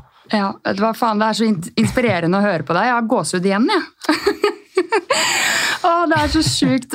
Men eh, en gruppe jeg syns er vanskelig å møte i min jobb, da, og som eh, plutselig kan angå meg selv eller eh, vennene mine, det er ensomhet. Har du noen tanker om hvordan de som føler seg ensomme, kan trå ut av det? For man jeg tenker jo at man er litt ansvarlig selv også. Til syvende og sist har man bare seg selv på en måte, selv om vi trenger mennesker rundt oss, hvis du skjønner hva jeg mener. Eh, har du noen kloke ord når det kommer til ensomhet? For det syns jeg er kjempevanskelig. Altså, det som er Jeg kan jo legge et superraskt grunnlag først da, for hvorfor jeg mener det jeg mener. Det er mye som skjer oss i livet. Det er mange retninger vi ender opp i, og det er masse vi får i fanget som Det er ikke vår skyld. Det kan ha sklidd ut over tid, det kan være at vi ikke har tatt tak i det eller ikke sett det. Og, og det kan rett og slett være noe som bare havner i fanget vårt på et blunk. Og det oppleves urettferdig, fordi vi føler jo gjerne ofte selv at vi ikke har så mye vi skulle sagt og gjort med det. Og med en gang vi opplever at det er litt sånn urettferdig, så får vi gjerne litt sånn tunnelsyn. Så det kan være litt vanskelig å liksom tenke helt klart eller reflektere riktig. Men, ehm, og det her er beinhardt det jeg nå skal si, men det tror jeg er den brutale sannheten. Uh, uansett hvor lite ting i livet ditt som ikke er din skyld, så er samtlige ting ditt ansvar. Og det her er det mest brutale med å bli voksen, sånn jeg ser det. Det er alt det man må ta ansvar for, mm. som, uh, som føles uh, både tungt og urettferdig og vanskelig. Så klisjeen her er på en måte at det, uansett hvor mye bølger det er, da, så må du klare å være litt kaptein. Mm. Og det gjelder enten det er eh, det ene eller det andre. Og hvis man tar depresjon, da man ser jo det at det, Eh, folk er jo mer og mer eh, deprimerte. Folk eh, er mer og mer ensomme. Enda man bruker mer tid med andre mennesker, men man bruker det indirekte. Det er jo disse sosiale mediene, og det regner jeg med at dette vet du alt om med tanke på den pausa du er inne i nå. Mm. Hva det betyr. Så vi er ikke noe mer sosiale enn før. Vi er mindre sosiale. Mm. Og jeg har ett eneste råd, og det er selvfølgelig subjektivt, for det er jo mine tanker. Men på akkurat samme måte som at jeg ikke kunne vente på at verden skulle bevise at verden var trygg igjen, men bare hoppe i det, så er det, det akkurat det samme jeg mener gjelder når det kommer til ensomhet. Det er fake it to make it. Du må komme deg inn i en sosial setting. Mm. Det, altså det, det, er ingen som kommer til å, å Ja, jeg skal ikke, si, skal ikke si ingen, men det jeg opplever er at du kan få masse hjelp rundt deg. Kanskje folk vil ha deg inn i en sosial setting, vil få deg back on track. og vil, opp, altså vil utvide horisonten din. Og Det kan være helsesektoren, det kan være kollegaer, klassekamerater, det kan være naboen, det kan være Google, Facebook, chat, GTP. altså Lista er lang. Mm. Men du må gå den første meteren. Mm. Og det gjelder enten du, du, ikke får sove om natta, eller du, du sliter med angst, eller du, du, sliter med at du er ensom, du får ikke til ting, eller sliter med mestring. Så må du gå den første meteren, og det koker ned til at uh, den beste medisinen for ensomhet, det er jo å oppsøke en sosial setting. Mm. Komme seg på et eller annet, om det så er en kunstutstilling. Det kan godt være en setting hvor du er litt anonym, men bare det å prøve å dra på en konsert alene. Få noen smil i døra, om det så starter med dørvakta, eller om det starter med at du går forbi noen som er i munter stemning. Mm. Gjør et eller annet, fordi verden kommer ikke og rydder opp for deg. Eh, det er jo den sinnssykt kjipe beskjeden å gi, men det er den ærlige læringen jeg sitter med, da. Jeg er så enig, og jeg, i min vennekrets og de jeg kjenner, så er vi ganske forskjellige. Altså, jeg får ofte høre at uh, jeg kjenner så mange. Du kjenner jo alle, Tina. Og, men det er jo litt fordi jeg kjenner meg igjen i den typen du er. Sosial, uh, kan smalltalke her og der. Og det gir meg ekstremt mye lykke og glede.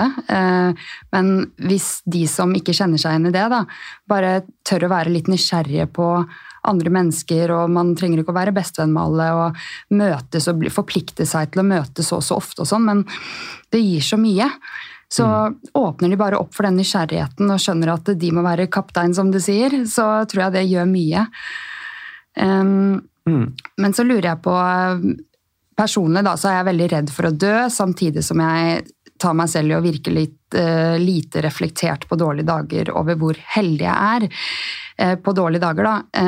Så jeg lurer på hvordan det har endret seg for deg. uh, om du klarer å se lyst på livet hver eneste dag med tanke på at du var så nær å dø, eller være en ja, dårlig dager for deg, da? Svaret er jo absolutt ikke. Jeg har jo akkurat de samme dårlige dagene som alle andre. Um, og selvfølgelig, det er mange av disse dagene hvor jeg ikke klarer å ha de perspektivene som jeg til og med setter høyt på foredragene mine og, og, og forteller andre at de skal gjøre. Så det er noe med at liksom på seg selv kjenner man jo andre. Eh, nå skal det sies at eh, det å ha en dødsangst, eh, det tror jeg det er mange som har. Det har definitivt jeg. Mm. Og jeg var med i podkasten til mm, Jon Hammersmark, han kapteinen i Kompani. Ja, i Fryktløs. Ja, i Fryktløs. Og det vi på en måte konkluderte med der, det er jo at grunnen til at jeg er i live i dag Selvfølgelig det er mange omstendigheter og masse flaks og, og, og alt det andre her, men det er først og fremst at jeg var livredd for å dø. Så det å være livredd for å dø, det er jo et overlevelsesinstinkt. Mm. Og det skal man på en måte ikke hva skal jeg si, eh, jeg, har mer tro på at det må bare akseptere at det er der. Mm. og du og jeg sitter jo i en for så vidt lik setting. Altså? Nå, nå har vi en generasjon etter oss. Mm. man får ikke noe mindre dødsangst av det. Eh, føle at man forlater folk rundt seg. Og?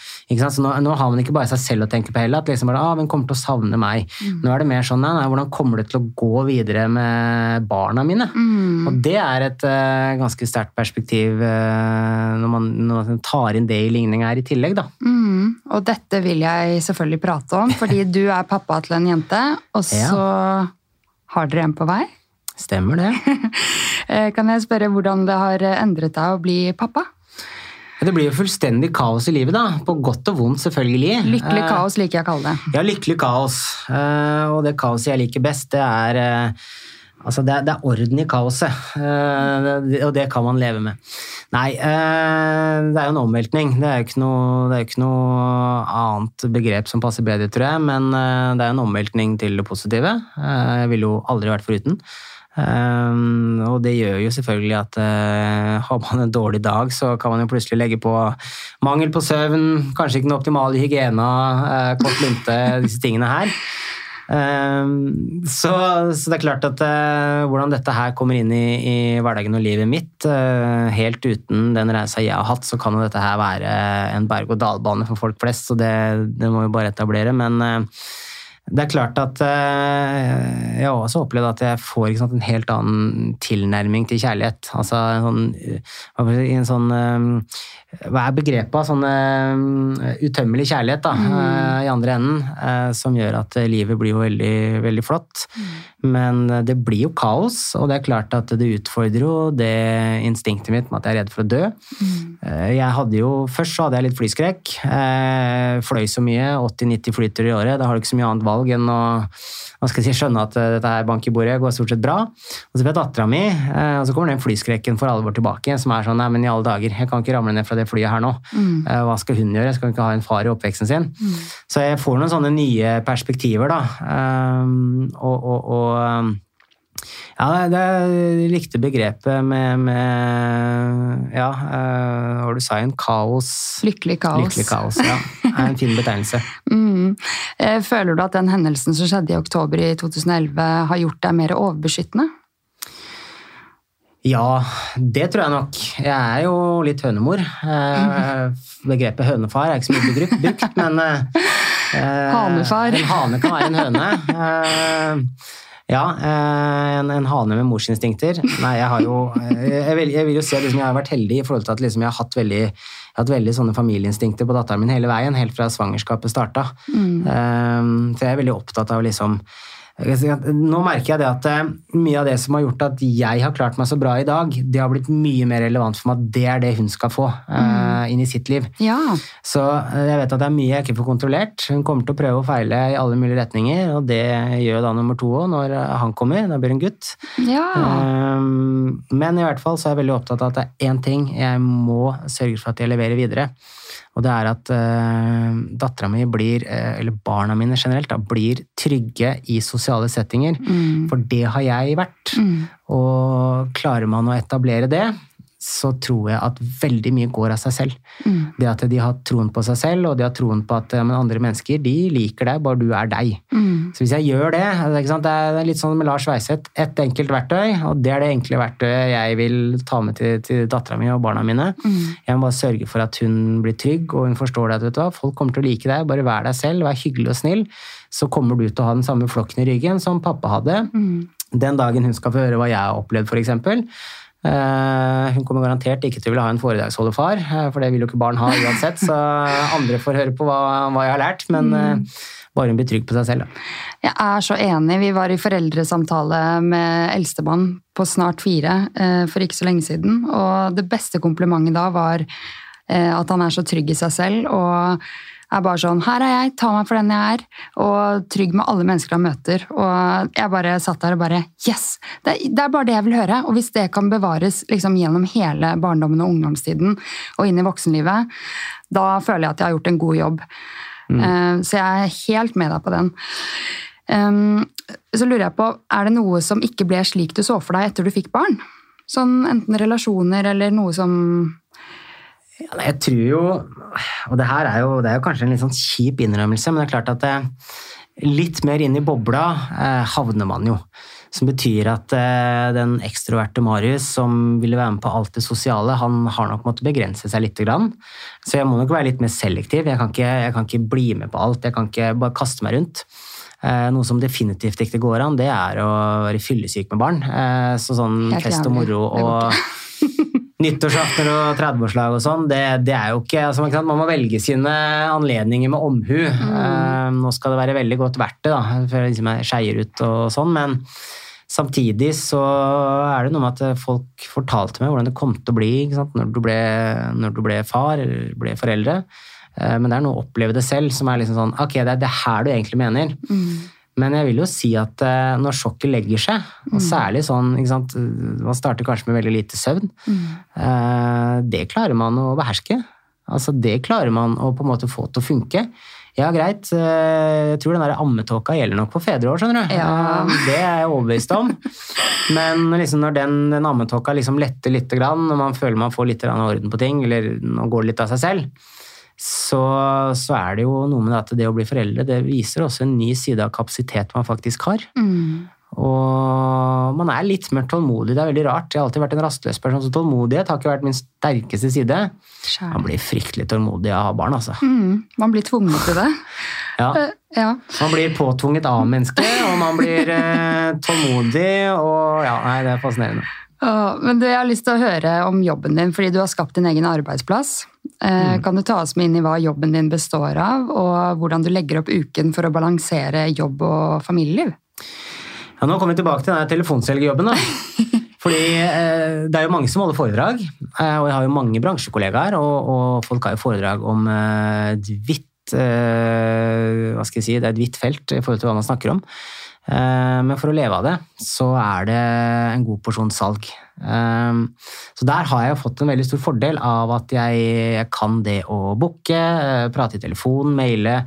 Fordi det folk ikke ser, det er jo at skal man leve av dette her, så krever det veldig mye planlegging. Vi har et ubrukelig land når det gjelder logistikk. Skulle vært foredragsholder i Amsterdam, eh, da hadde det vært to timer i hver retning, så har du runda landet. Men her er det Nord-Norge, Melkeruta, det er Vestlandet, det er dårlig vær, det er fjelloverganger, tog, det er Midt-Norge, du kan ikke fly dit. Altså det er det er helt absurd, men eh, jeg er jo overlykkelig. Og det er jo først og fremst for at eh, jeg har fått en så bred målgruppe. Jeg har eh, skolesektoren, hvor det alltid kommer nye kull med elever, enten det er ungdomsskole, videregående, delvis også folkehøyskoler. Eh, Ikke minst universitetene, at de har liksom blitt, blitt et navn i masse forskjellige linjeforeninger som jeg vet at liksom, de ringer meg nå og da. Og så er det jo store forbund, de har jo hjulpet meg, det var de som gjorde at dette her kan man leve av. Jeg starta jo fordi jeg skrev bok i 2014 og 2015 og ga ut den i 2016 med, med Marit Aalrud som var forfatteren. Eh, Det tok litt tid, men da sa Cappelen at skal du selge bøker, Marius, så må du komme deg ut på en scene eller foran bokklubber. Du må fortelle om, om historien din. Da kommer du til å selge mye bøker. Og da satte jeg i gang. Kjøpte billetter til utdanningsmessa i, vel i Oslo Spektrum. Gikk fra bod til bod der. Sa at hei, jeg er Marius, jeg har opplevd dette, dette har jeg lært. Vil dere høre om det på skolen deres? Og så begynte den snøballen å rulle. Og så var det jo, ikke sant, man starter jo med at eh, jeg hadde hadde et oppdrag til eh, NTNU oppe i Trondheim. 1800 klarte de. De måtte også dekke kjøreutgifter. Og med en gang du da tar med deg en kamerat og du setter deg i bilen og kjører opp til Trondheim, så er disse utgiftene der, de er jo, de er jo, eller inntektene er jo brukt opp før du når Ja. Dombås eller halvveis opp E6. Eh, Så det var det de starta med. Til at de store fagforeningene, LO, Fagforbundet, Delta, Utdanningsforbundet, de våkna til. Begynte å legge helt andre budsjetter enn det en ungdomsskole videregående kan. Eh, Da tok jeg steget og fant ut at det her kan man leve av. Så hva hvis jeg begynner å bruke den tiden jeg har til overs på å prøve å generere nye foredrag? Ja. Og så våkner eh, bedrifter til. Eh? Bare det at jeg nå har kunder som ja, Fremtiden i dag, Hatch, DNB, altså den type ting. Intrum. Altså, det har gjort at jeg har fått åpna bedriftsmarkedet. Og så er det jo plutselig sånn at Forsvaret vil ha besøk.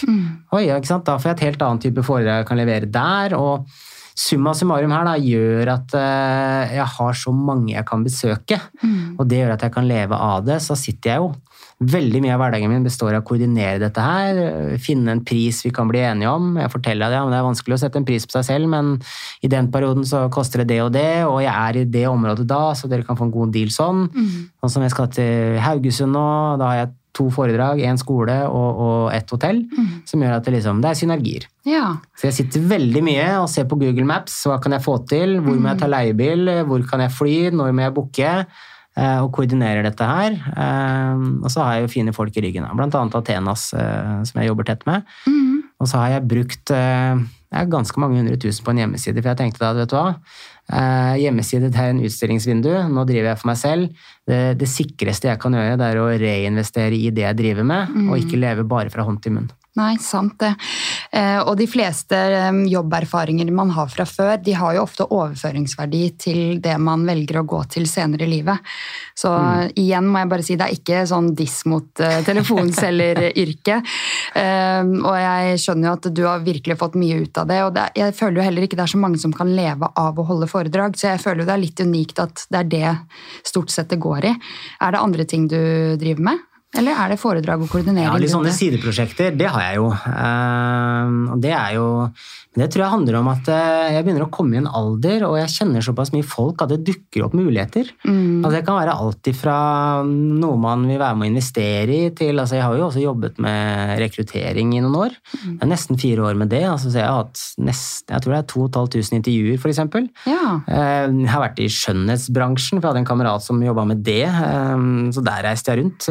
Eh, Lære meg å legge vipper, f.eks. Det er jo helt Har du eh, gjort det?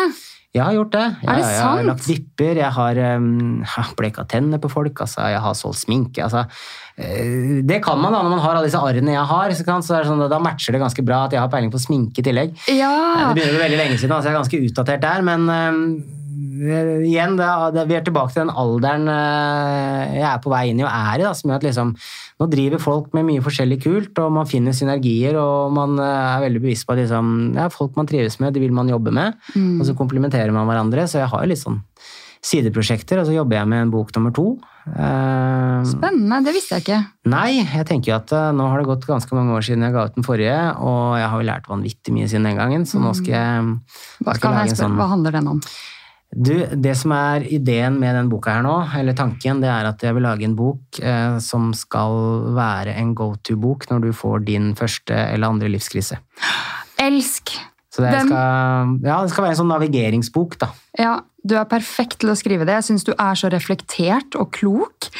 Og nei, du, du bare smiler, du. Men, ja, jeg får jo så høy selvtillit av å sitte i den podkasten her. ah, men i går når vi snakka på telefon, så nevnte du dette med passiv og aktiv pause. Hvordan er det du får det inn i Hva mente du med det? Eh, Ja, det er, eh, altså, det er et begrep jeg liker, eller det jeg først og fremst liker, er passiv hvile. Fordi jeg oppdaga med meg selv, og her spiller selvfølgelig småbarnslivet inn, og kalenderen min, og at jeg er såpass mye busy, jeg er mye borte. Eh, Det kan jeg si først. Ikke sant? Altså, du, vet, du har sikkert sett disse her memesa som er sånn derre eh, Det folk tror du gjør, det foreldre og familie og venner tror du gjør, eh, det kundene tror du gjør, det du egentlig gjør. ja. Ikke sant? Så hverdagen min når jeg er på disse turene, eh, for det legger et grunnlag for det jeg nå skal si, da, det er jo at eh, jeg flyr da kanskje opp til Bodø. Eh, La oss si jeg da skal besøke Ørnes. Der var jeg jo. Eh, For de som ikke aner hvor det er, så er det da halvannen time under Bodø på kartet. Han Martin Sleipnes i, i VG, han er derfra. Så han, det er i hvert fall en knagg, da. ja. Da eh, har jeg først tatt et foredrag i Oslo, og så må jeg bare haste opp til eh, Bodø flyplass fra Gardermoen, ta fly, og så må jeg da ta hurtigbåt ned til eh, Ørnes ferjekai, og så bli kjørt da til Meløy, hvor fagforbundet har booka meg. Eh, Kommer dit, eh, må da spise på hurtigbåten, eh, en eller annen sandwich eller noe, kommer dit, holder foredraget, må bli kjørt opp igjen til hotellet, er på hotellet da når klokka er, hva ble klokka, halv tolv. Da må jeg bare komme meg i seng, for jeg skal ta pysjamasflyet og må opp klokka halv fem, kvart på fem. Jeg liker å dusje, da klarer jeg i hvert fall å se hvor jeg går etterpå.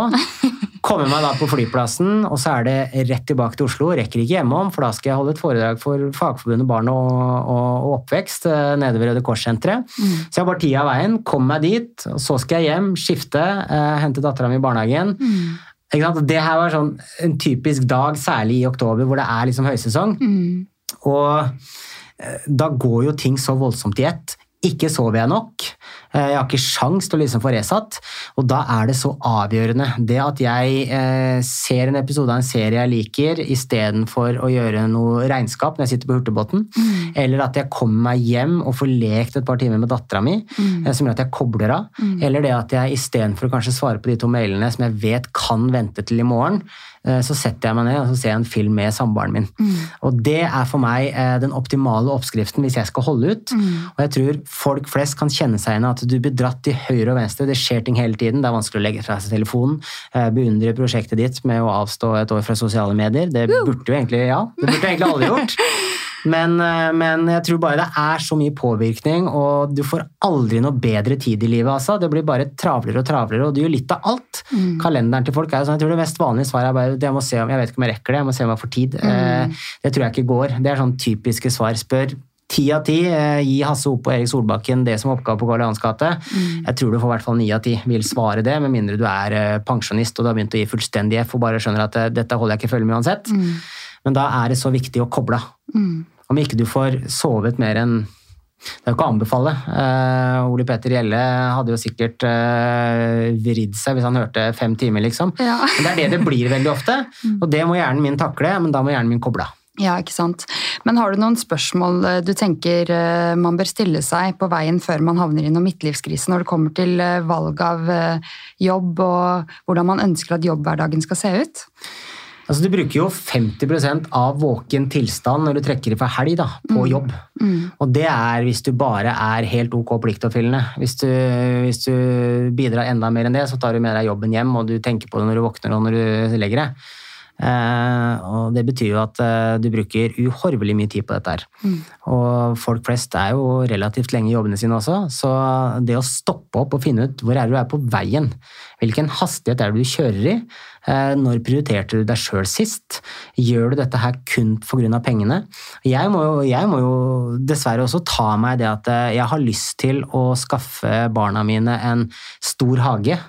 Hvordan i all verden skal du få til det innenfor Ring 3 i Oslo? Nei. Så da er vi fem-seks millioner short, da. Mm. Dette må jeg skaffe. ikke sant? Jeg må ta meg selv at jeg legger sånn type press på meg sjøl. Og det tror jeg ikke er den, er den eneste. Jeg tror, eh, sånn som under korona, så tror jeg mange har jo kjøpt helt på limiten. Og det er jo dessverre veldig vanskelig nå, men jeg skjønner så godt at det blir gjort.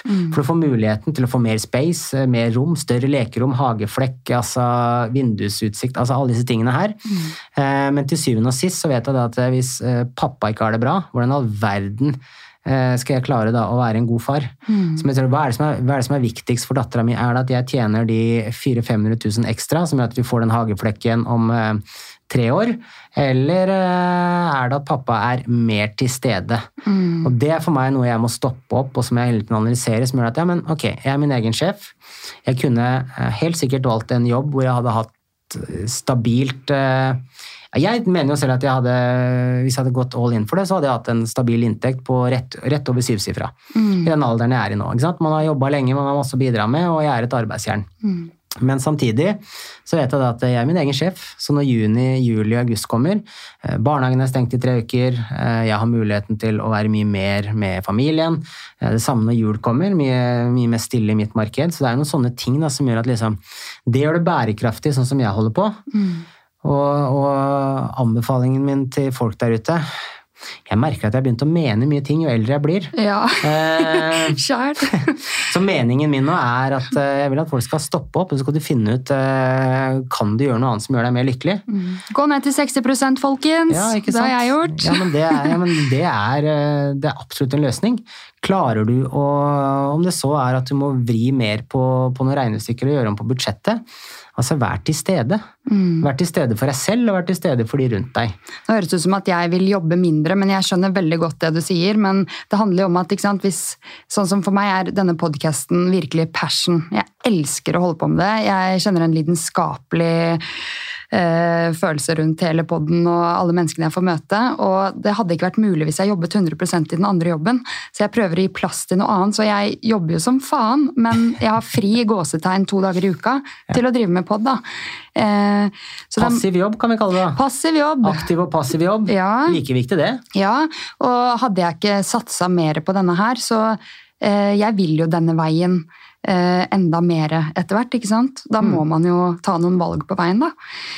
Ja, det er så spennende å høre på deg. Herregud.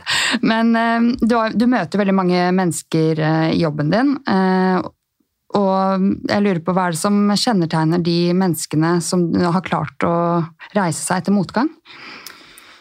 Eh, ja, nei, det, er jo, det er jo noen uh, ting som går igjen, da. Uh, det ene er jo gjerne at det er jo veldig pratsomme folk. Altså Det jeg møter i jobben min uh, når folk kommer til kollegaer, er at de har en formidlingsevne.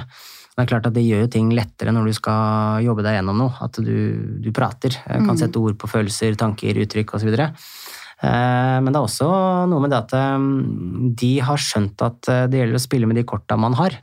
Eh, og spiller man, eh, spiller man, kort, så vet man at kort kan bli delt ut i flere runder. Eh, livet kan dra deg til høyre og venstre. Men det handler om at liksom, det er litt sånn poker over dette her, tror jeg. At du må klare å utnytte de, de korta du har på hånd. Da. Mm. Og det er gjerne en ting som går igjen i folk jeg møter i bransjen. Mm. Uh, og det er klart det er, det er masse sterke historier. Det er, det er, det er mange skjebner og, og, mye kunnskap der ute. Eh, jeg vil også legge til at jeg er jo veldig takknemlig for at jeg er i den bransjen, for jeg møter jo folk med nye perspektiver og aspekter hele tiden. Så liksom, jeg blir jo genuint smartere av å late som jeg er smart selv, på en måte, og være i den, være i den der settingen her. Da. Så ja, definitivt. Mm. Før vi går over på de faste spørsmålene, så vil jeg stille et siste spørsmål som eh, går ut på hvilke verktøy du har erfart er avgjørende for å oppnå god psykisk helse? For nå kommer foredragsholderen igjen, da. Ja. Eh, det kan oppsummeres med egentlig fem verktøy. da. Mm. For å sette i gang med de fem verktøyene, så er det ganske avgjørende at du erkjenner at du har et ansvar. da. Litt som mm. vi var inne på tidligere. Du må klare å være litt kaptein. Gå den første meteren. Det må du gjøre. Men de verktøyene du har for å gå den første meteren, og i tidlig fase, er nummer én du må lufte huet. Du må frigjøre endorfiner, eh, tenke annerledes, eh, få litt perspektiver. Det er måten å både snu en dårlig dag på, men også takle at du får en vanvittig beskjed i fanget. At du får generelt hard motgang. Da. Så det er viktig. Eh, fysisk og psykisk helse henger så tett sammen at du kan ikke markere verdensdagen uten å snakke om den fysiske, i hvert fall. Så det er liksom nummer én, og det er lavterskel, og det var det jeg fikk av Lars Weiseth, og det har funka for så mange av hans hva skal jeg si, konsultasjoner og det han har vært involvert i. Og så handler det om at uh, det er helt i orden at det sklir ut, uh, men vi trenger litt rutine for å komme på beina igjen. Mm. Det kan være å stå opp litt tidligere, det kan være å sette på en ekstra vask med klær hjemme, bare føle at du har fått noe mer ut av dagen. Og så begynner liksom disse hjula her å, å, spinne litt av seg selv. Mm. Men uh, også det å ha en rutine på at du stopper opp og er til stede i eget liv. Altså igjen, hvor er du på veien? hvilken hastighet. gjør noe hyggelig for deg sjøl. Altså, skal du stille opp for alle andre, så må du jo stille opp for deg sjøl òg. Mm. så du må ikke ha noe dårlig samvittighet for at du, du stiller opp. Jeg bruker å si på disse foredragene mine at hvis sjefen eller kollegaen eller en eller annen legger seg bort til dette her, hvis du begynner med det som en rutine, så får du bare si at nei, jeg har vært på foredrag med sånn skalla fyr med masse arr, og han mente veldig mye sterkt om dette her, så jeg skal bli litt flinkere. Men og så handler det om å, å, ta vare på folk rundt deg. Uh, så pleier team med flokken din. Uh, flokkmentalitet. altså på grunnskolen så lærte alle å jobbe med gruppeoppgaver, enten du ville eller ikke. Uh, og det er for at gruppeoppgaver det gjelder for de tyngste tinga i livet. Mm. Og så handler det om å klare å Om ikke altså, Se verdien av humor. Det tror jeg er essensielt. Ikke ikke at du må være standup-komiker eller klassens klovn. Altså, for meg føles det veldig naturlig å være klassens klovn, men det gjør det ikke for alle. Men det å ha et lite glimt i øyet, det gjør jo at uh, du tilfører oksygen rundt deg. Mm. Det er vanskelig å se det selv, men ofte så er vi så dårlige utgaver av oss når vi står i noe vanskelig. Mm. Folk vil hjelpe til, men det er kanskje ikke tid og rom, og folk vet ikke helt hvor og hvordan. Men det, også, så, handler det om å ta litt kontroll på den indre stemmen. Eh, og da tenker jeg rett og slett på at du må prate litt hyggeligere med deg selv. Mm. Hvis du bare merker at nå sitter du og er kjip med deg selv for å være kjip, så du, du, kan rett og slett be deg sjæl om å holde kjeft. Eh, mm. Satt litt på spissen. Mm. Eh, vi gjør som toppidrettsutøvere, snakk høyt til deg sjøl i tredjeperson, så hører du kanskje etter. Jeg merker at Hvis jeg skal liksom opp i et stupetårn og det begynner å bli litt for høyt, så må jeg liksom, istedenfor å spekulere om jeg kommer til å revne lungene og møte hvithai eller hva det er jeg venter på og frykter, jeg vet da søren jeg, men mm. Da må jeg på en måte si høyt til Marius Løken, og hopper du for pokker? Uh, veldig virkningsfullt. Da hopper ja. jeg stort sett hver gang. Men uh, det, er disse, det, er disse, fem tingene der da, som jeg mener er helt avgjørende. og For meg så har det lagt et grunnlag og en plattform for en god, bærekraftig psykisk helse. Mm. Og jeg tror at hvis du da hvis du har dette å stå på, selvfølgelig at du, du må jo ha nok søvn eller passiv og aktiv hvile, kombinert med Du må dytte noe fornuftig inn i kroppen også, for det er jo det som er brenselen, drivstoffet. Mm. Eh, men hvis du klarer disse tingene her, og du samtidig liksom har tak over hodet, og, og, du blir sett og det er plass til deg i samfunnet, da tror jeg du kan takle et helt sinnssykt stort spekter av motgang. Mm. For vi mennesker vi er, eh, vi er latterlig sterke, vi er veldig dynamiske. Vi er bygd for å bli tråkka på og reise oss, og eh, da handler det om at de tingene jeg nå har ramsa opp, det er det jeg har opplevd at skal til for at ikke motgangen skal rive meg over ende. Mm. Og for at jeg skulle klare å snu det som var et komplisert traume og en drøy historie, mm. men å snu det til å altså, bli den varianten jeg er i dag, da. Mm. Og så elsker jeg at du nevner humor, fordi eh, du har jo sagt før at eh, det er mye lettere å være rundt folk som eh, er i krise eller eh, på et dårlig sted, hvis man kan ha litt humor og tåle det. da. Eh, og i helsevesenet er det masse galgenhumor. Galgenhumor er flott. ja. Men du, Er du klar for mine fire faste spørsmål? Kjør på. Hvordan starter du uken best mulig? Jeg starter uka best mulig med barnehagelevering, altså. Å, jeg er så enig. Det er, det er hyggelig. Og, og ja, da, jeg starter da med den morgenstunden før barnehagelevering. Mm. Så de ukene jeg kan det, så er det helt magisk. Mm. Hvordan snur du en dårlig dag om til en god dag?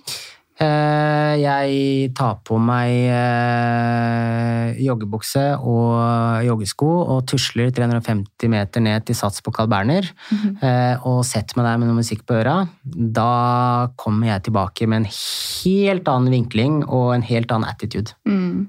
Hva er du takknemlig for? Definitivt den flokken jeg har i ryggen med familien min som innerste kjerne. Hva inspirerer deg? Det som inspirerer meg, det er å, det er så mangt. Eh, men det er sånne eh, søte øyeblikk som du kan få servert på YouTube eller TikTok av folk som gjør noe over evne, eller noe som er uforventa. Eh, noen ganger er det klisjé, selvfølgelig, men det er sånne små øyeblikk. Og det som inspirerer meg med det, det er at jeg føler at verden kan være så kald, den kan være så brutal til tider. Men disse søte øyeblikkene så Egentlig burde jeg sikkert sagt at nei, men det er den idrettsutøveren eller det er den forretningsmannen eller alt det der, men de føler jeg det er så mange av, og det føler jeg at det går på samlebånd. Eh, ikke for å ta noe kledd fra noen av de, det er mange flinke mennesker der ute, men de der søte, søte øyeblikkene eh, Bare det at et barn gir bort leka si til et annet barn, eh, mm. det, det, inspirerer meg, for det, det, er noe søtt, det er noe veldig ekte. Mm. Du, tusen takk for at du kom til Inspirasjonspodden. Jeg elsket å snakke med deg.